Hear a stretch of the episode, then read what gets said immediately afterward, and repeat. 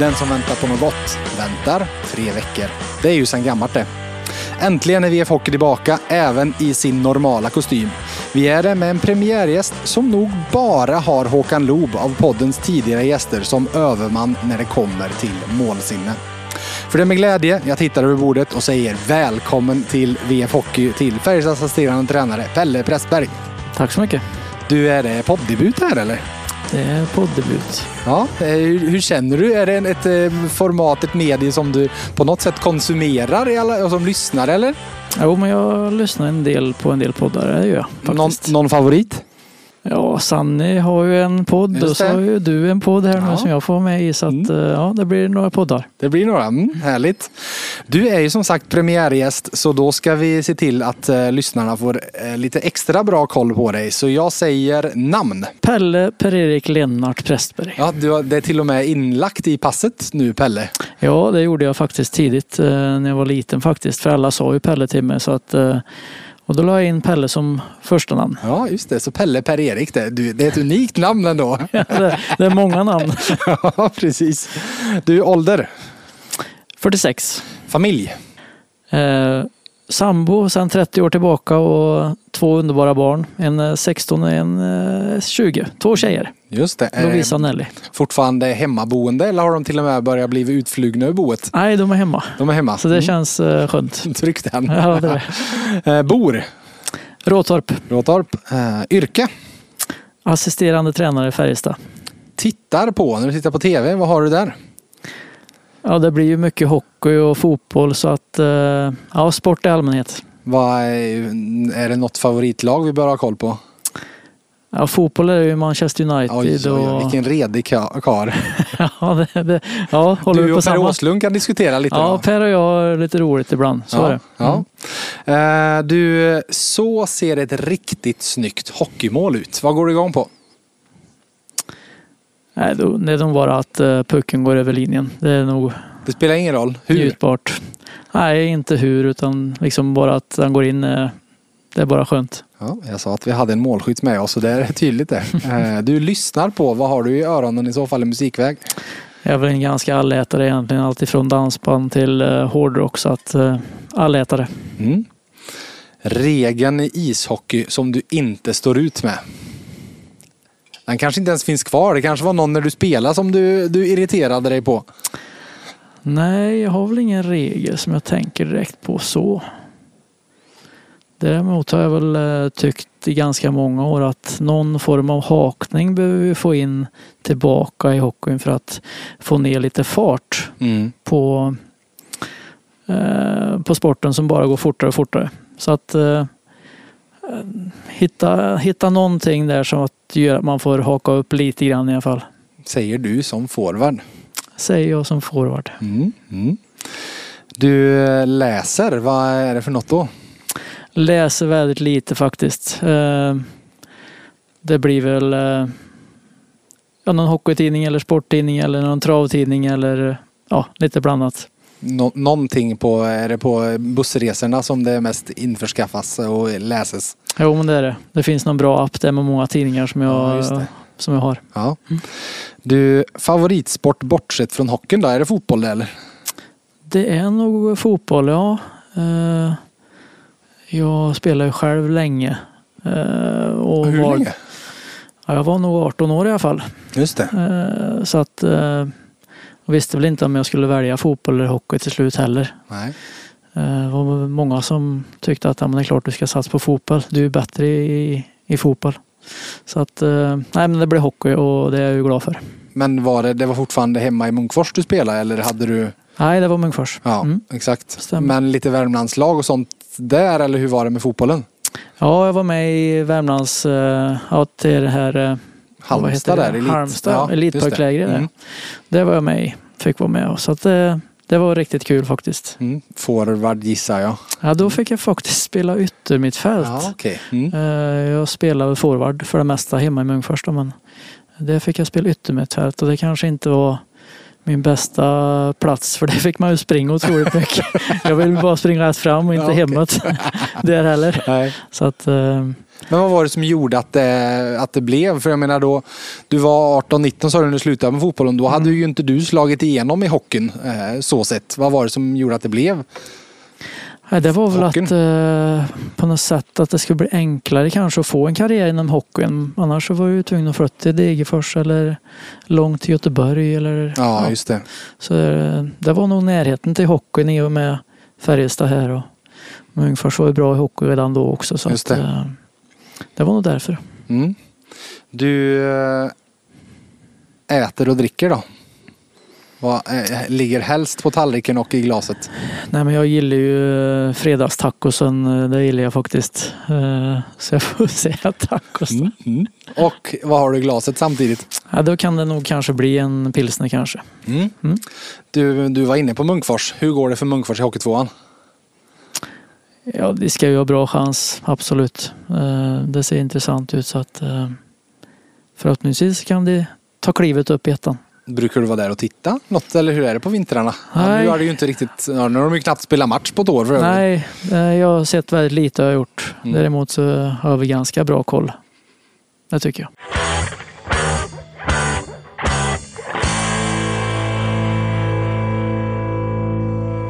Varför ska jag vara med i facket? Det räcker väl att jag är med i a-kassan? För att skit händer. Bara a-kassa räcker inte alltid som skydd. Läs mer på kommunal.se. För att skit händer. Just nu, tre månader för 160 kronor.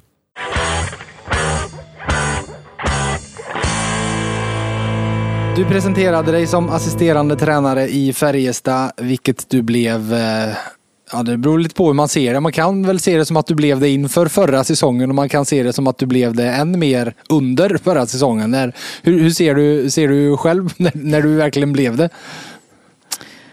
Nej, men det gick så himla snabbt där och man fick frågan om, eh, om det. Och för mig så var det ju ingen eh, ja och nej fråga utan för mig så fanns det bara ett ja om, om det behövdes en, eh, ett skifte. Så att eh, för mig så var det såklart ja direkt. Mm.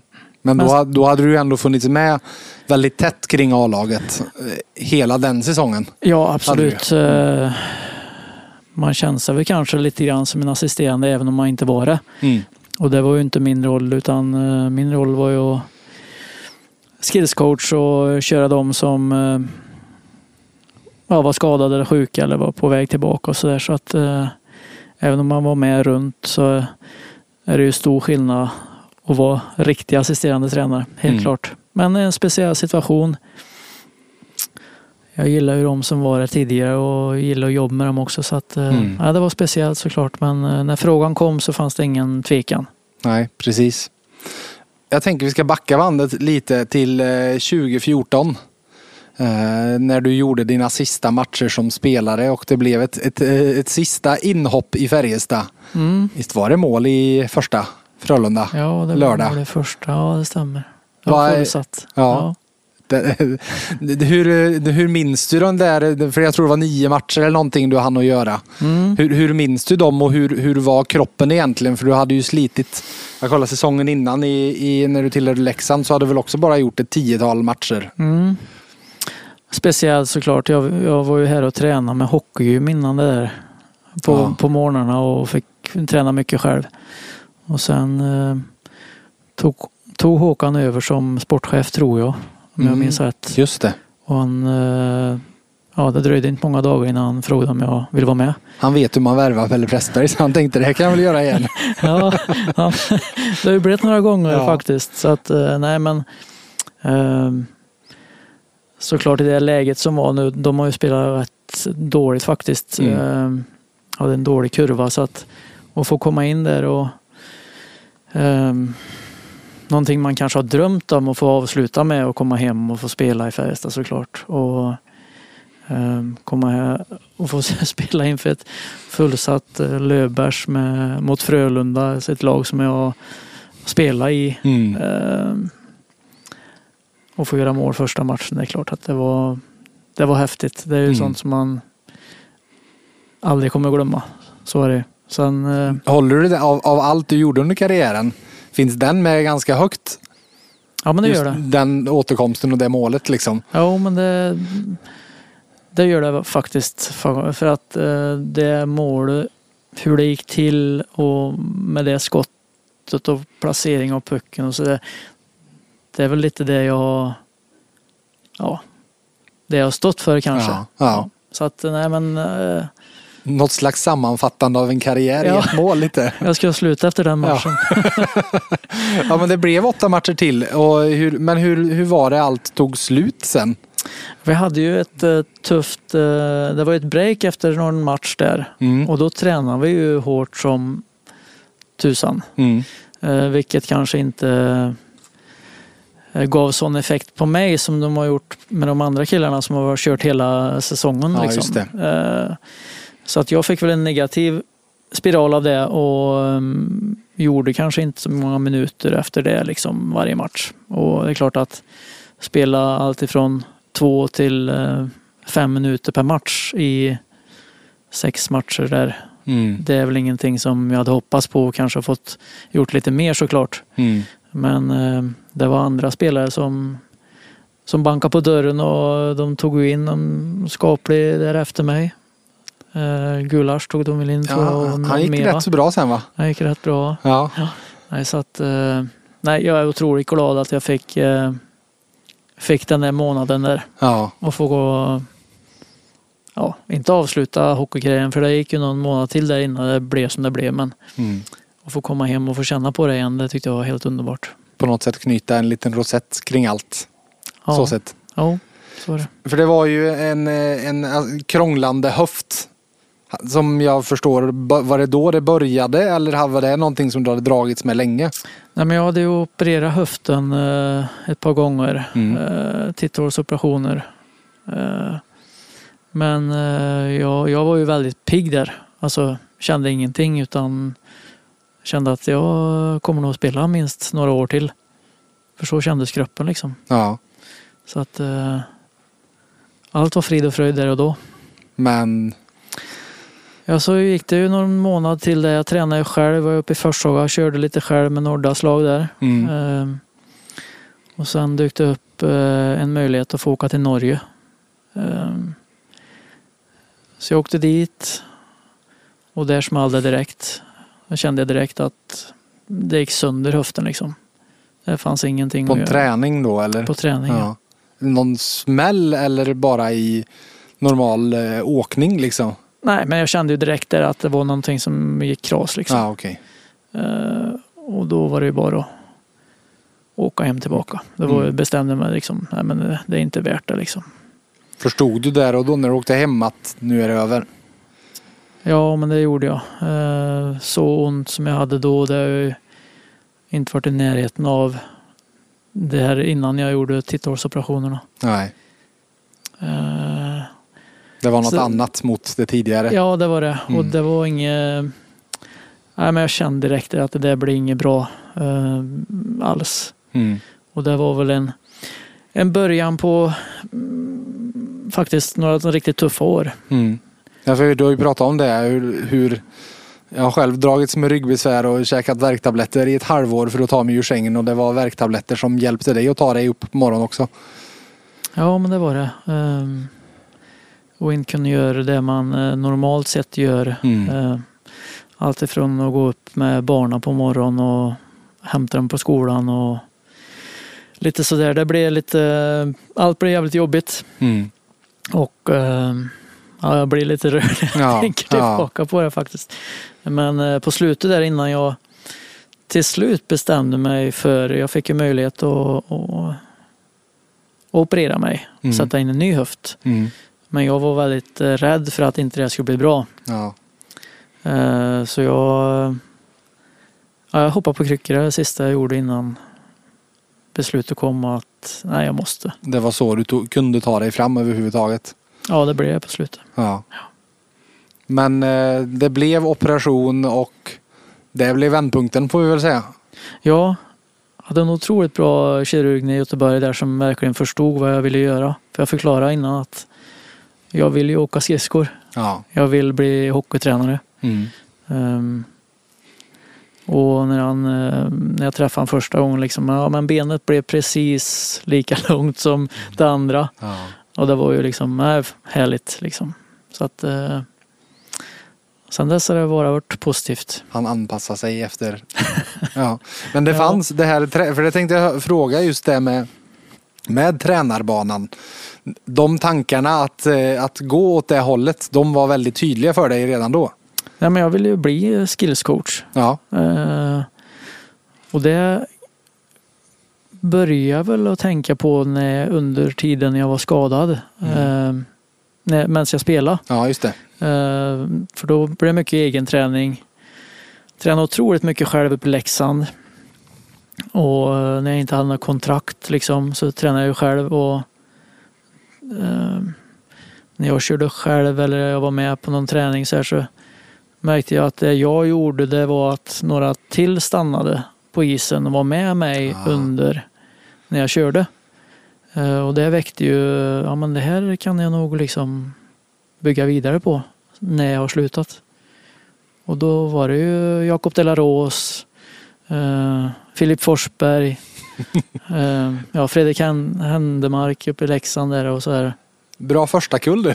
Ja, det var, nej men det är ju lite eh, roligt att det liksom att man kunde jobba vidare med det sen Mm. och ta det vidare.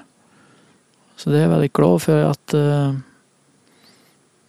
att jag började med det där, att de liksom kom och var med. Mm. Din, din eh, egen rehab blev eh, en väg in i något annat, så ja, sett. ja, det blev jag faktiskt. Mm.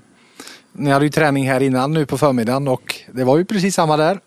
Du var sist av isen med några och ni stod kvar och sköt. Du och Linkvist eh, eh, åkte och sköt. Så det, Mm. det hänger i. Precis samma, samma sak känns det som. Ja, lite så är det faktiskt.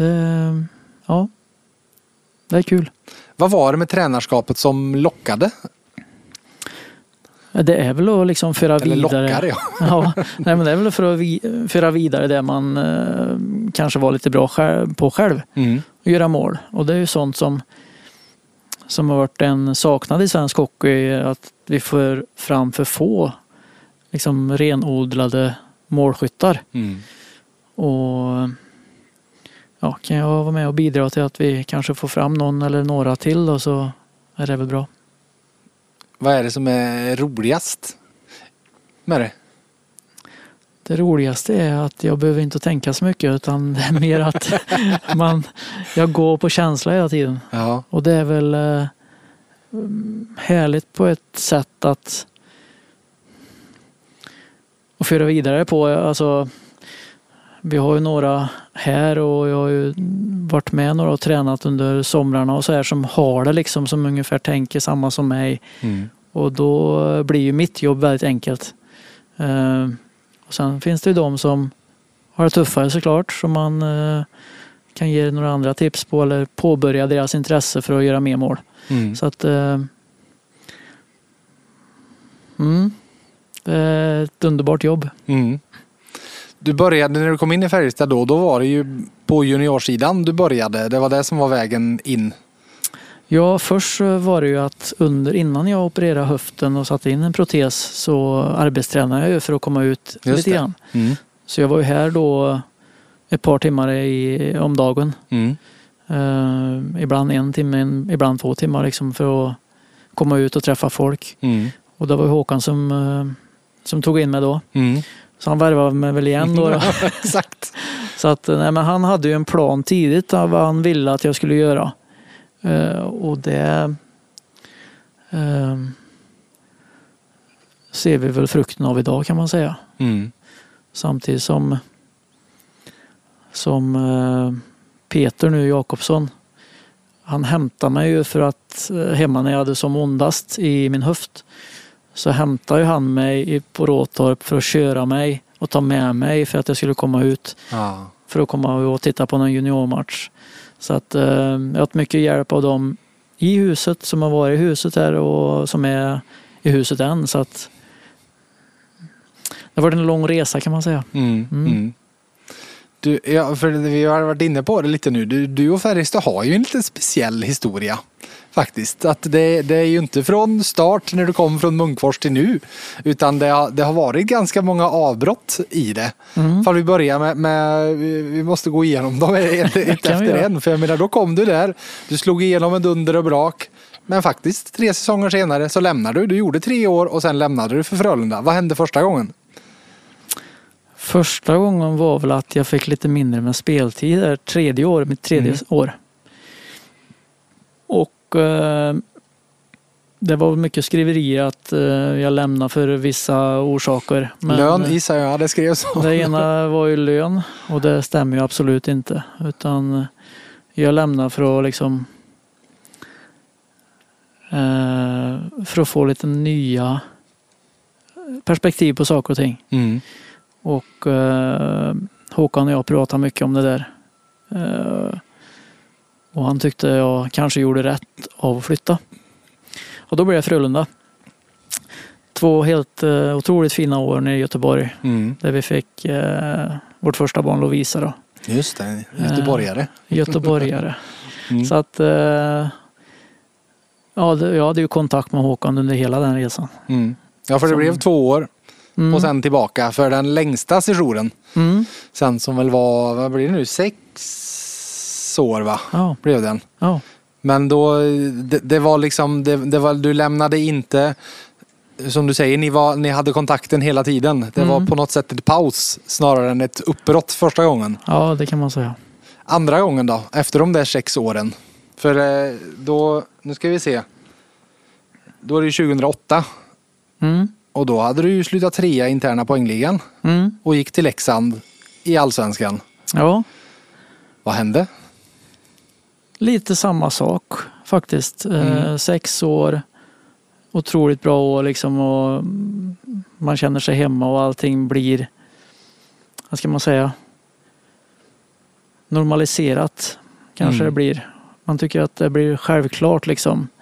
Och jag vill ha en ny utmaning. Och Leksand hörde av sig, ville gå upp i SHL och ville satsa liksom.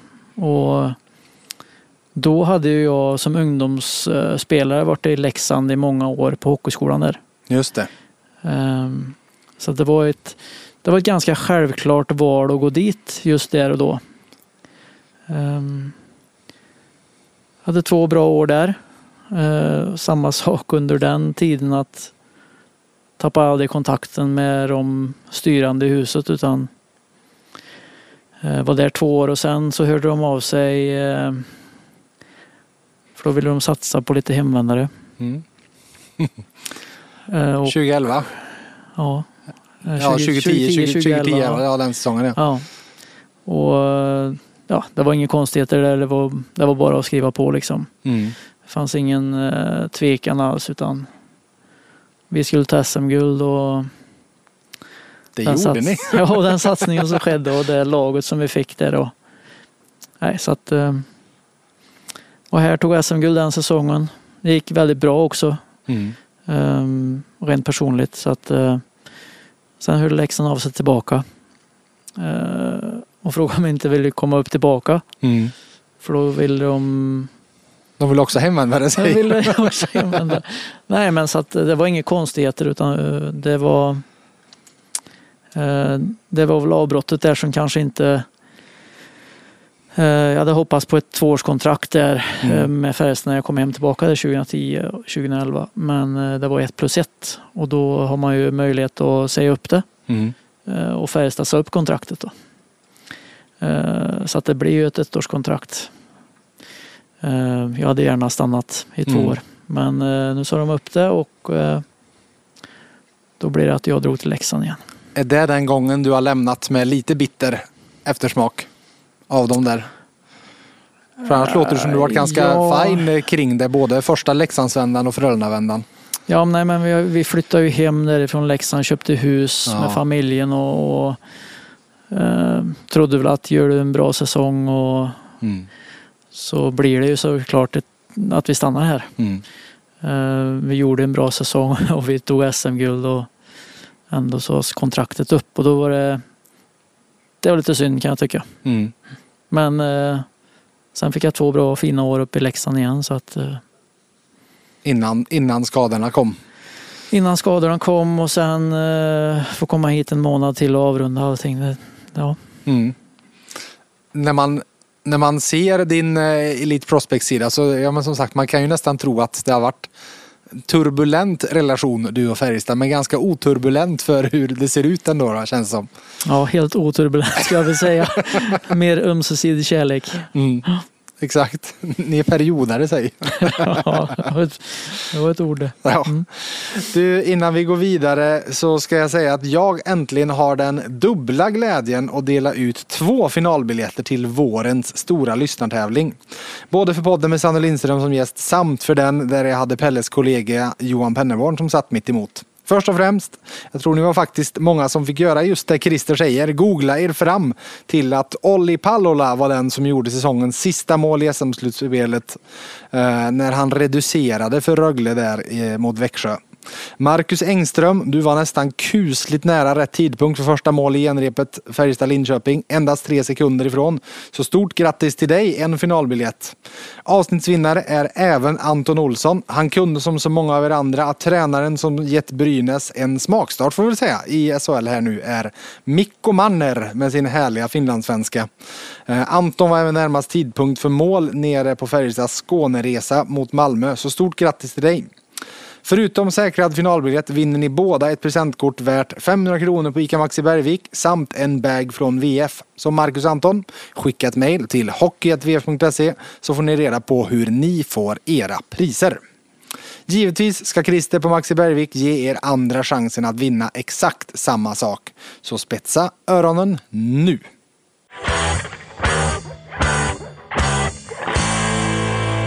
Hej, Christer med personal här. Vi på Maxi Karlstad älskar hockey och kunderna förstås. FBK-legenden Pelle Pressberg gjorde hela 29 mål på 45 matcher under sin debutsäsong i Färjestad. Trots det vann han inte målligan i SHL. En spelare gjorde nämligen 30 mål. Vi undrar, vad heter han? Lycka till så hörs vi i nästa avsnitt av VF Hockey. Gola lugnt!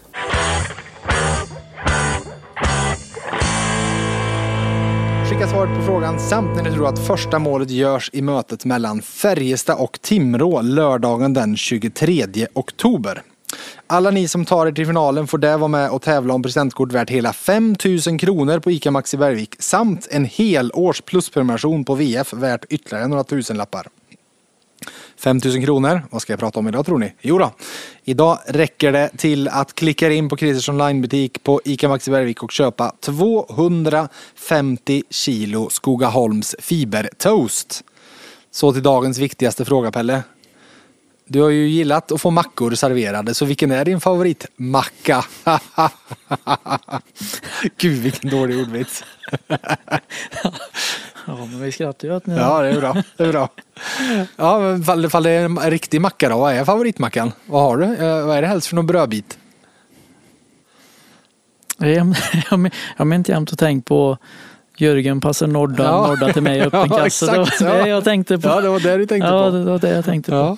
Nej, en favoritmacka har jag väl direkt inte kanske. Nej, det är inte, inte så viktigt. Du, eh, jag ska läsa ett citat för dig. Att Pelle skulle göra 29 mål första året tror jag alla var förvånade över. Men att han skulle göra mål, det visste jag. Jag har aldrig sett någon med maken till målkänsla än idag. Det finns ingen som är i närheten. Det går inte att spela innebandy på små mål när han är med. Det bara går inte. För varje gång han får bollen så gör han mål. Samma när han gick ett läge, fick ett läge i fotboll. Ett extremt målsinne. Han har en super, super talang för det. Sen är det klart att han har tränat mycket på att skjuta. Men det har jag också. Men Pelles naturliga känsla för att göra mål. Jag sköt i stolpen. Han sköt stolpe in. Du vet vem det är som har sagt det här gissar jag på. Ja, det vet jag. Vem är det då? Jag är nog, upp, jag är nog uppväxt med en tror jag. Du är uppväxt med honom hemma Ja. i Munkfors. Ja, Peter Nordström. Du, målsinne. Vad är det för dig? Målsinne för mig. Det är nog att man Det är att man älskar att göra mål. Det är nog målsinne för mig. På något sätt. Är det det som har Grundtanken. drivit ditt målsinne? Alltså den, den eh, suktan efter att göra mål. Ja, min nyfikenhet i alla fall runt omkring Ja. det. Med allt vad det innebär. Men just att man älskar ju mål. Eh, sen är det klart att man det här med att man ser luckorna och man ser inte målvakt när man kommer fri och så vidare. Men det är andra grejer. Men just att man att man älskar ju mål, det tror jag är nog det viktigaste. Är, är just det någonting du brukar prata med spelarna om? Jo, men det är det. Ehm, på en del... eh, Ja, men det, det är det. Att man liksom måste gilla att göra mål på träning och, och, och sådär. Eh, Oavsett av vilken övning det är så... Um, skjut för att göra mål. Är du en sån som, eh, säger att man spel, skulle spela två mål innebandy då, som Peter pratade om där. Och så leder ditt lag med 8-0. Skulle du fortfarande ta varenda tillfälle du får och göra mål? Ja, det är klart. Eller skulle du då, nej det det är så, du skulle inte Det kan ju börja bli leta 9-0 passning? det kan bli 10-0. Ja okej. Mm. Ja. Ja, mm, bra, vi, vi förstår. Eh, innan vi går vidare så ska vi lyssna på vad en annan eh, har att säga. För efter träningen här, en av de som var med och körde länge på träningen var Mikael Lindqvist. Och jag lyssnade med han hur han tänker kring dig. Så lyssna här. Många har gått av för typ 20 minuter sedan och här kommer Mikael Lindqvist till sist efter att ha kört lite extra träning med Pelle Pressberg. Är det vanligt det här eller? Eh, ja men det är det väl. Jag har väl egentligen ända sedan jag kom hit eh, kört rätt mycket med honom. Och, mm, ja, det gäller att hålla igång för att hålla, hålla igång eh, tajmingen och allt sånt. Så att, eh, det händer rätt ofta. Du har ofta pratat gott om honom och att han har hjälpt dig mycket. Vad är det han gör som är bra som tränare? Nej, men det, han, är, han har gjort, eh, ja, men han har ju spelat eh, på, på den här nivån väldigt länge och har väl även haft en roll som, eh, ja, kanske inte exakt som min men mycket liknande framförallt i powerplay. Då, så att, eh, han har gjort några mål, jag vet inte om han har gjort, han kanske har gjort några fler än mig.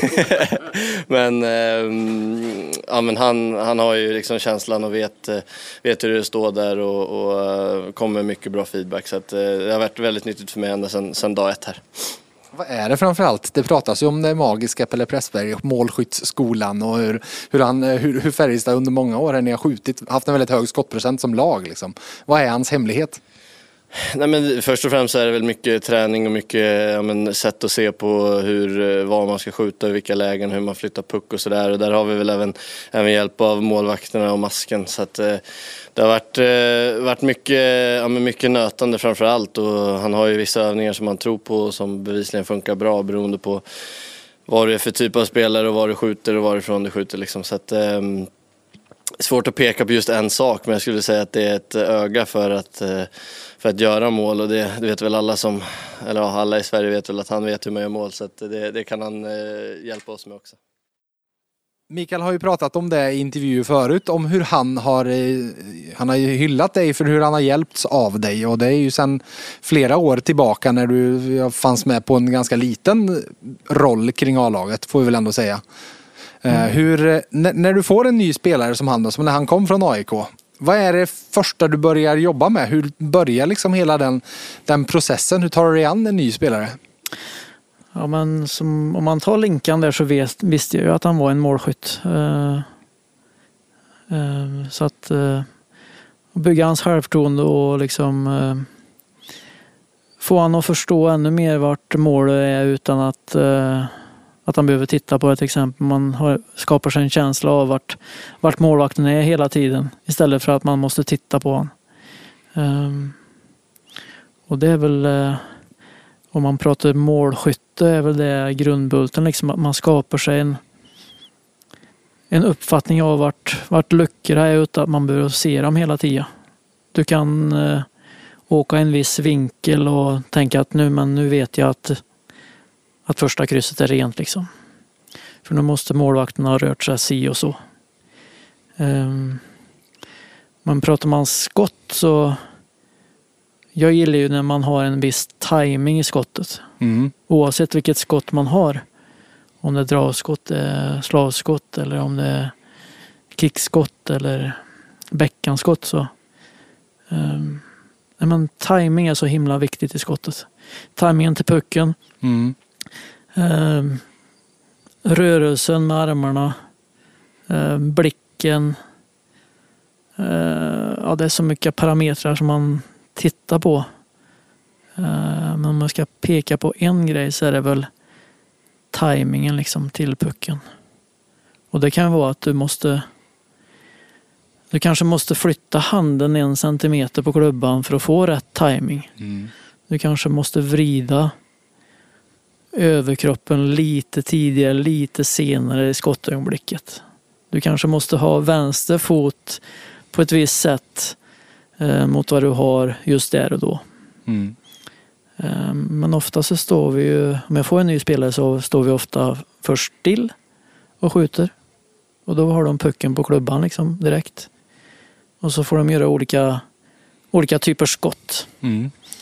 Eh, jag filmar ju oftast då Just det. eh, med iPaden liksom och eh, grottar ner mig i det.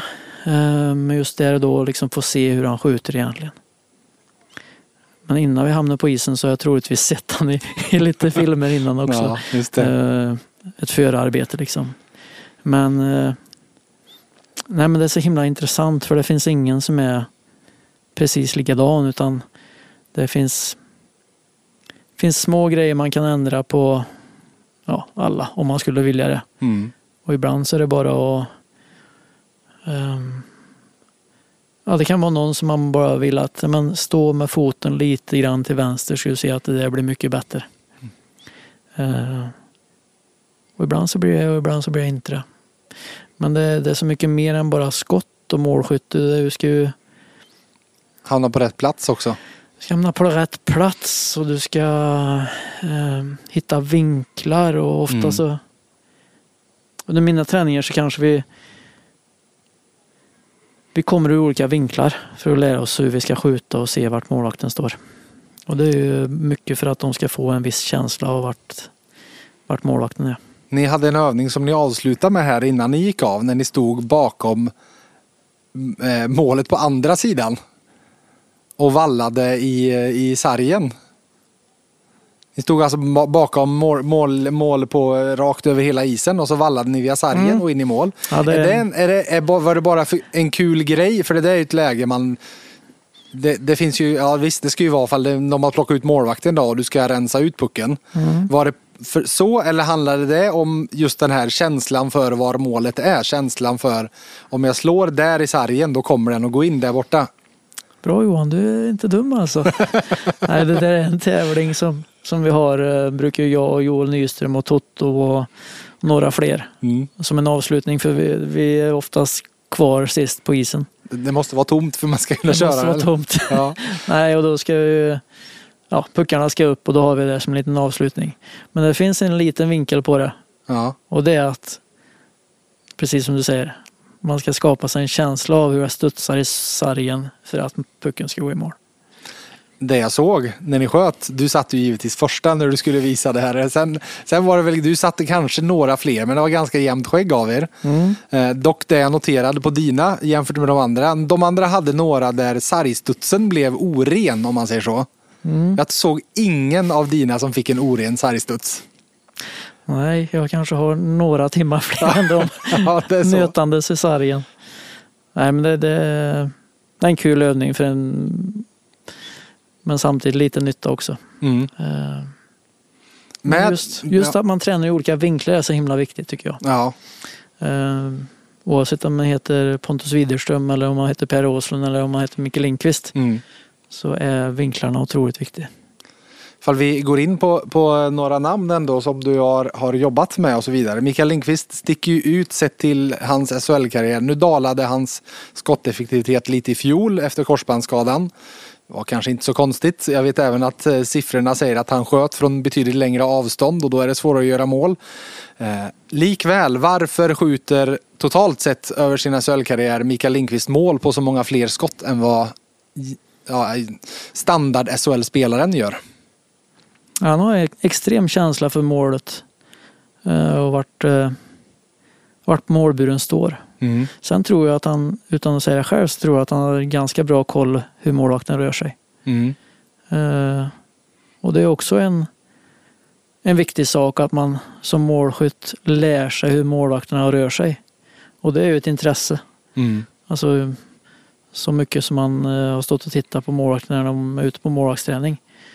Eh, och följt med ut och stått bara och lyssnat och, och kolla på dem. Eh, otroligt viktigt om man blir, vill bli bra målskytt tror jag. Mm.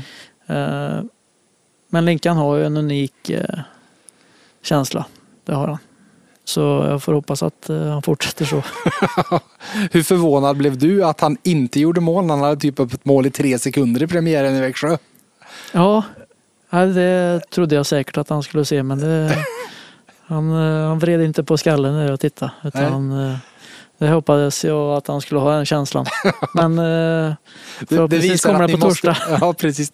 Ni har lite kvar att slipa på. Ja. Helt fulländad är han inte. Du, en av dem som, på tal om fulländade skott, så en som brukar nämnas när man pratar om skott i hela världen. Du nämnde honom förut, Filip Forsberg. Mm. Har väl ett tämligen unikt skott, eller hur? Jo men det är, han är avig. Mm. Är han. Eh, han är avig men ändå en kanonbra timing till pucken. Mm. när han släpper den. Eh, och just det här eh, när han släpper den är väl det som är svårt för målvakterna. För Att han, han kan olika. släppa den ur olika lägen, ja. Mm. Det går, det är ett svårläst skott måste ju det vara. Ja det är det. Ja. Hur mycket tittar du liksom på sådana spel? Alltså, givetvis här förstår jag att du tittar och studerar alla, alla ni har, men hur mycket går du som skottnörd, om man säger så, igång på att titta på, sitta och titta på en Washington Capitals match och se på Alex Ovechkin när han står och dundrar? Nej men jag grottar väl inte ner mig så med dem jag inte egentligen kör med. Nej. Ehm, däremot har man ju tittat på Ovechkin hur han skjuter naturligtvis. Men eh, som Filip där som jag har förmånen att kanske få köra med en eller två gånger per sommar där han är det. hemma. Eh, det är klart att man följer lite extra. Så är det. Samma med Joel såklart när han är hemma. Mm. Eriksson Ek. Han har ju otroligt fint skott som han använder alldeles för sällan. Ehm, så att, eh, nej men man följer ju vissa såklart. Så är det. Tycker det är väldigt intressant att se också juniorer så hur de skjuter och hur man kan göra på olika sätt för att de ska kunna bli bättre målskyttar. Liksom. Mm. Hur mycket har klubborna som används idag mot klubborna du hade när du kom 97-98 där, hur, hur, hur annorlunda är de att skjuta med? Ja, det är väl materialet som är största skillnaden. Ja. Då var det tre och nu är det väldigt lätt. Frågar vi eh, din eh, barndomsvän Peter så är det natt och dag. Ja, men det är det ju. Fick du också inskrivet i ditt kontrakt att du skulle få spela med kompositklubbar eller? Ja, det fick jag Du gjorde det? Ja. Var det hans inrådan kanske? Nej, vi var ett gäng som körde ett visst märke där några Ja. säsonger. Ja. Mm. Ja, men hur, hur, hur mycket har det påverkat alltså, möjligheten att skjuta de här klubborna? Nej, men du har ju mycket snabbare skott och kan släppa pucken i princip när som helst. Om du Mm. får eh, rätt. Så att eh, förutsättningarna för att skjuta mycket bättre nu än vad det var då, helt klart. Mm.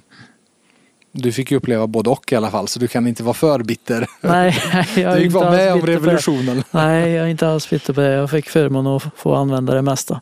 Och jag blir uppdaterad av eh, CCM här nu och Ja. får lite nya grejer titt som tätt och får prova och sådär. Så att det är jag väldigt glad för. Du, på tal om klubbor, har du någonsin spelat med en klubba som varit signerad av hela laget? Ja, Du får signerat. berätta. Jo, men jag är ju, eller ja, jag kan väl säga att jag är väl perfektionist än idag vad det gäller Mm. hockeygrejer. Mm. Jag gillar ju när skridskorna sitter ordentligt och ser snyggt och prydligt ut. Och, Innan du går vidare är det så pass att du till och med går fram till spelare där det ser lite illa ut och säger det där får du rätta till. nej, Nej, inte så det illa. Nej, det Okej. är bara Det är för ditt eget. Ja, det är för Mm. mitt eget. Mm. Klubban ska vara rätt tejpad och ja, förberedd för, för att slå par flickma- flippmackor nu Mm. Ja, som jag ja. gör. Nej, men eh, när jag spelade så var jag otroligt noggrann med det. Och då kunde jag åka ner eh, dagen innan match och stå ett par timmar där och göra ordning dem i snickerboa där. Och tejpa i ordning och så kom på morgon till morgonvärmningen. Då kunde han ju ligga på bordet där med och lägger man en kurva på bordet, det betyder i omklädningsrummet att då ska alla signera. Just det. Mm. Eh, för så gör man när man... Ja, Ja, ska det till något välgörande ändamål eller sånt. Ja. precis. Och då kunde jag komma imorgon och då var ju mina där signerade och allting klart. Så det var, ja, så att eh, då fick man ställa undan dem och göra nya. så jag inte spela med någon Du har inte signerad. spelat med Nej, nej, okej, nej, okej. Historieberättaren, vi kan väl eh, säga att han kan vara general manager i Färjestad utan att nämna några namn. Mm. Eh, han hävdade till och med att du spelar med den, men det hade inte gått att spela med den klubban då, eller? Nej, det har jag aldrig gjort. Ja, okej. Nej, okej. Den har suttit på väggen hos någon i så fall. Hallå där! Här kommer ett härligt hösterbjudande från VF. Ta del av allt digitalt innehåll, vår e-tidning, vf.se och nyhetsappen hela hösten för bara 5 kronor i veckan. Du kan ta del av erbjudandet på vf.se kampanj. Passa på! Erbjudandet gäller till och med 30 september.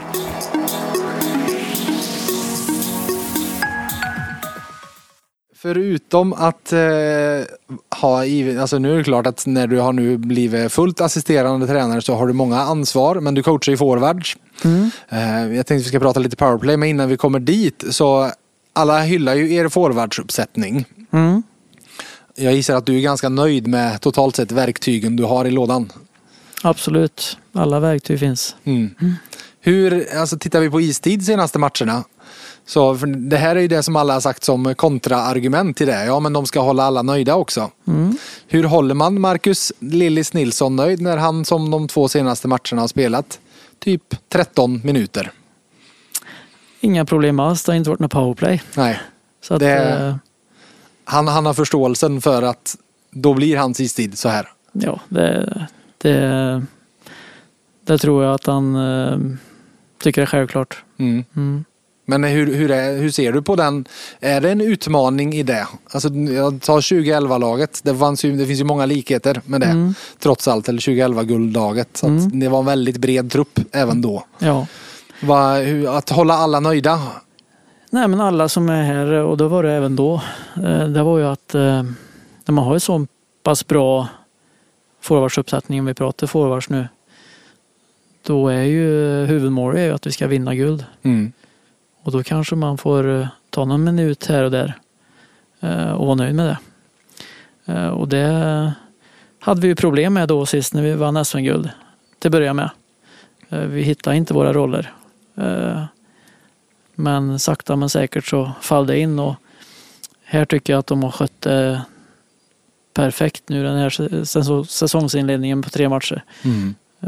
Jag har inte hört någon som har klagat överhuvudtaget än så att jag tror att de är de är införstådda i konkurrensen såklart men eh, också att det kan bli lite mindre någon match och lite mer någon annan match och man spelar ehm, någon situation där man kanske inte normalt sett spelar Mm. och man får eh, spela ja, prova lite nya grejer liksom.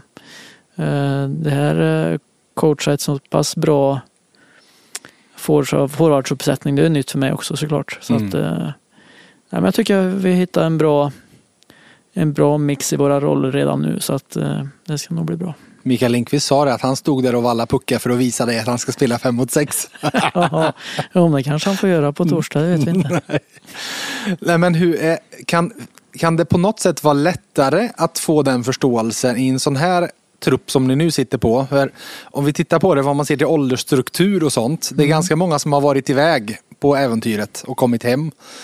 Eh, snarare än att de är 21 år på väg uppåt och eh, jagar nästa lönekuvert, nästa NHL-chans och så vidare. Förstår du min, min tanke? Att det kanske nästan kan vara lättare med de här Ja, per Åslund kan köpa att han inte spelar för att han, ja men det är här han vill vara, han ska ingenstans. Joakim Nygård ska definitivt ingenstans på sex år och så vidare. Nej, jag vet inte om det är lättare för det men, eh, men jag, jag ser det inte som problem överhuvudtaget. Nej. Eh, de är professionella hockeyspelare som vill vinna. Och då är det så här det funkar. Mm. Man vinner inte om inte powerplay funkar, sant? Ja, eh, så kan det vara. Ska du avgå nu i och med att ni inte har gjort någon powerplay-mål den här säsongen? Nej, vi har inte gjort något än. Men sett till vad vi skapar så kommer det vilken sekund som helst. Så att, eh, jag är inte orolig överhuvudtaget. Ska vi även lägga till att ni nästan inte har fått spela i powerplay än. Nej, nej, det har vi heller inte fått. Men Jag tror ni har 11 minuter hittills. Eh, Mm. Och eh, ja, det blir ett powerplay-möte imorgon kan jag väl säga. mm, Det är de två lagen. Skellefteå har heller inte gjort något mål i powerplay än. Nej. Och de har spelat typ lika lite på en match mer till och med. Så att de... eh, Mm. Ja, men eh, hur... eh, Givetvis så jag, jag skämtade när jag sa det. För att om vi ser till säsongen i stort och räknar in även för säsongen så har det väl sett väldigt bra ut trots allt.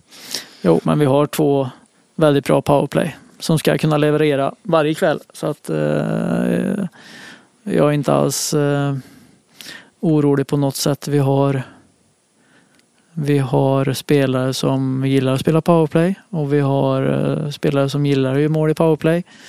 Eh, så att eh, nej, men det har sett bra ut och det har sett bra ut på träning också. Mm. Så att Som powerplay-coach då, vad, vad vill du uppnå, förutom att göra mål? För man ser rent i ett större perspektiv i, i skapandet av målchanser, vad vill du framförallt uppnå med ditt, ditt powerplay?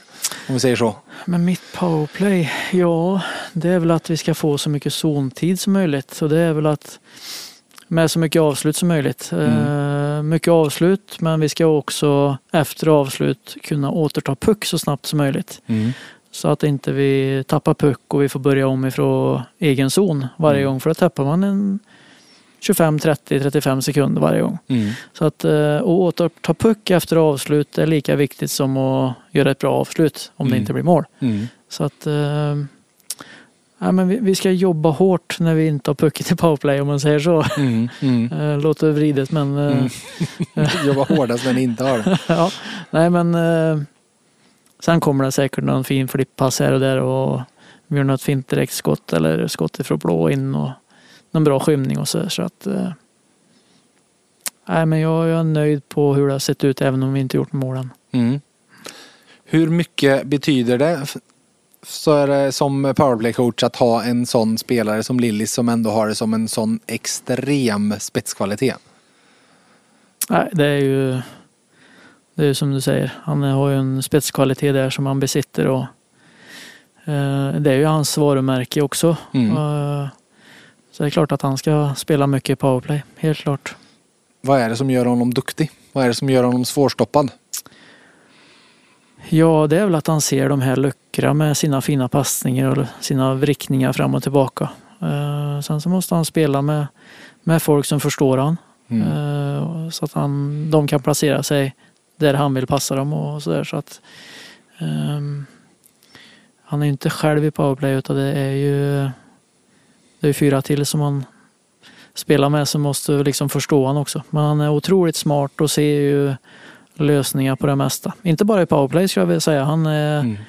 han är väldigt duktig i fem mot fem också. Mm. Hur tänker du kring de två olika formationerna? För backar vi bandet något år så fanns ju, då var det väl två extremt olika powerplay-formationer. För då fanns det ju en där med Oskar Sten och Jesper Olofsson som kom på varsin kant och Olofsson var ute och vände i mittzon och kom i full fart. Men just att de där hade klubborna utåt i den och så fanns det en första formation där Johan Ryno och Lillis stod och styrde på ett lite mer traditionellt sätt om man säger så. Hur, hur, vad känner du kring det? Ska man vill du ha att ja, men så här spelar Färjestad powerplay eller är det så här spelar den enheten powerplay och den här kan vara totalt annorlunda? Nej, de kan definitivt vara annorlunda. Mm. Eh, vi har Är de inte- annorlunda idag? Hur annorlunda är de? Ni, ni börjar ju säsongen med, med två backar igen till exempel. Ja, nej men eh, där har det skett en ändring. Eh, Vi har tagit in Viktor där istället för Albert. Mm, precis. Och det är väl... Nej men vi har ju Danne som sköter ena sidan, eh, har mycket puck och så har vi Lillis i andra powerplay som har mycket puck eh, och bygger spelet mycket därifrån. Mm. Men sen har vi också otroligt skickliga backar i Wikstrand och Jesse som, som kan bygga en, eh, en hög trea som jag säger Mm. eh, i båda. Eh, med vassa avslut på båda sidor.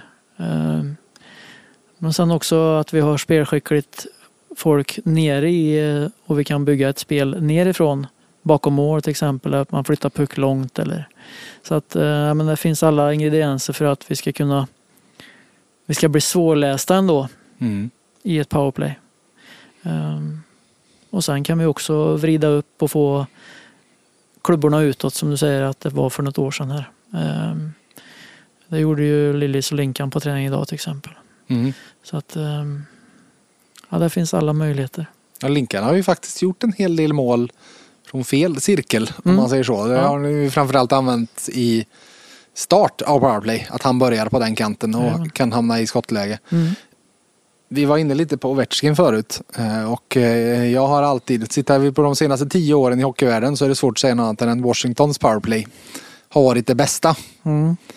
Eh, Är det på något sätt att nå, nå, de har ju nått till den nivån att alla vet att han står där och att grundmålet oftast är att han ska skjuta. Mm.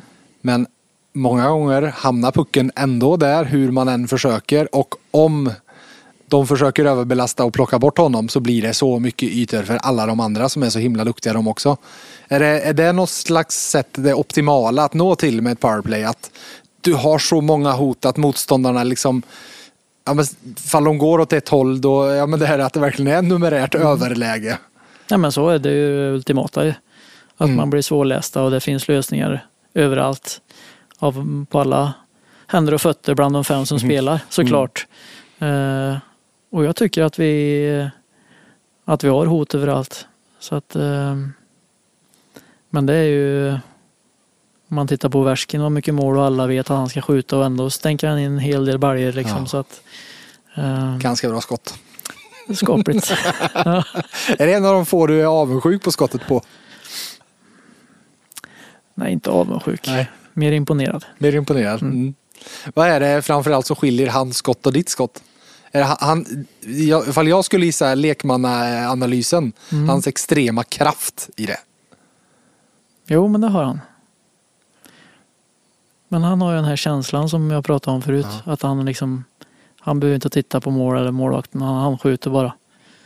Och så träffar han mål så då är det mål liksom. Målvakten hinner aldrig över. Så att, eh, men han gör det inte själv utan han måste ha folk framför och måste, måste ha någon som passar Mm. i rätt läge och sådär. Så att, eh, eh, mm, det är inte en som gör det. Det är flera. Nu är det en som ska göra det och nu ska du gå på känsla för nu ska vi tävla.